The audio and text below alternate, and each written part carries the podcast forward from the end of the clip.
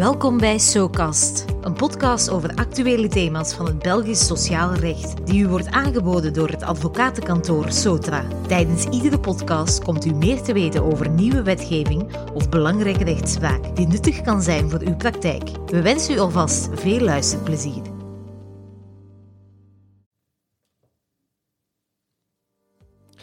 Hallo, mijn naam is Karel de Vloo, advocaat bij het advocatenkantoor Sotra. Ik heet jullie graag welkom voor een nieuwe aflevering van SoCast, een podcast over arbeidsrecht. Een tijdje geleden presenteerde ik samen met Marian een eerste webinar in een reeks van vijf webinars over de sociale verkiezingen van 2024. Naast deze reeks van webinars nemen we ook een reeks podcasts op, waarin we de belangrijkste onderwerpen uit elk webinar toelichten. In deze eerste podcast uit de reeks beantwoordt Marian de vraag Waarom worden de sociale verkiezingen georganiseerd? Dus Marian, waarom sociale verkiezingen? Wel, Karel, tijdens de sociale verkiezingen verkiezen we de werknemersvertegenwoordigers die deel zullen uitmaken van de ondernemingsraad en het comité.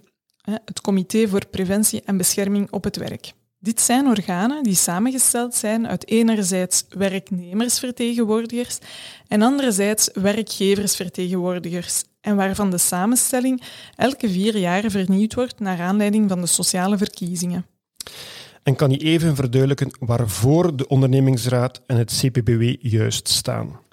Wel, beide overlegorganen hebben grotendeels onderscheiden bevoegdheden.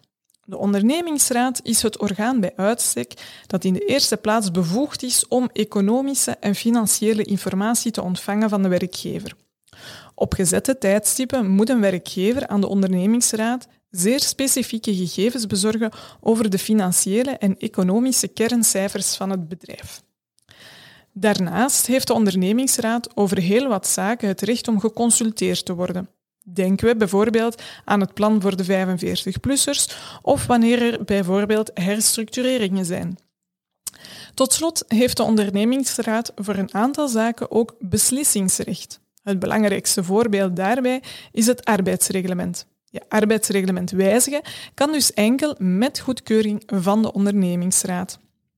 Het CPBW staat voor het Comité voor Preventie en Bescherming op het Werk. De focus van dit orgaan ligt dus duidelijk op alles wat met welzijn, veiligheid en preventie van arbeidsrisico's te maken heeft. Ook dit orgaan heeft het recht om bepaalde informatie te ontvangen van de werkgever, om over bepaalde zaken op voorhand geconsulteerd te worden en over specifieke zaken ook zelf te beslissen. Ook kan het comité proactief bepaalde initiatieven nemen in dit domein. En heb je daarnaast niet vaak nog een derde orgaan, de syndicale delegatie? Ja, dat klopt, maar een syndicale delegatie wordt in de meeste sectoren niet verkozen. De leden worden aangeduid door de vakbonden zelf. En bovendien, daar waar de samenstelling en de werking van de ondernemingsraad en het comité door de wet geregeld wordt, ligt de, liggen de regels over de werking en de bevoegdheden van de syndicale delegatie vast in cao's die per sector kunnen verschillen. Nu, die syndicale delegatie kan wel een zeer prominente rol hebben binnen de onderneming.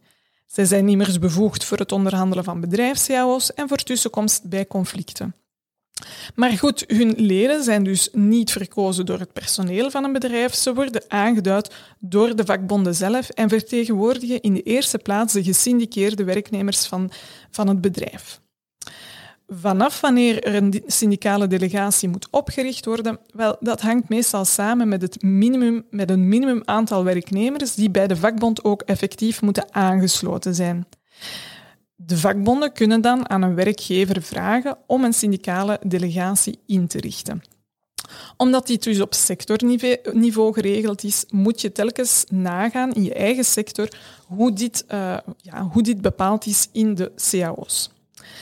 Er zijn dus bedrijven die een syndicale delegatie hebben zonder dat er ooit sociale verkiezingen geweest zijn. Oké, dat is uh, verhelderend. Je zei aan het begin van de podcast dat tijdens de sociale verkiezingen de personeelsafgevaardigden verkozen worden. Hoe zit dat dan met de werkgeversvertegenwoordiging? Wordt die ook verkozen? Nee, de werkgeversvertegenwoordigers die worden door de werkgever uh, aangeduid onder de werknemers die tot het zogenaamde leidinggevend personeel behoren. Dit zijn de twee hoogste niveaus van het bedrijf.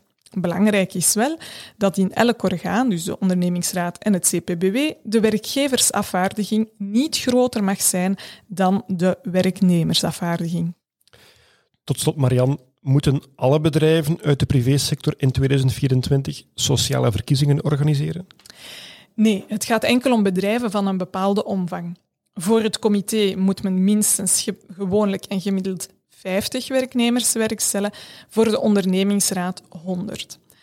Maar hoe dat juist zit en hoe die berekeningen moeten gemaakt worden, lichten we toe in een volgende podcast. Bedankt Marianne voor deze toelichtingen. Bedankt om te luisteren. En hou onze app in het oog om de volgende podcasts niet te missen. SoCast wordt u aangeboden door Sotra, een advocatenkantoor gespecialiseerd in sociaal recht voor de private en publieke sector. Surf naar www.sotra.be voor meer informatie over onze diensten.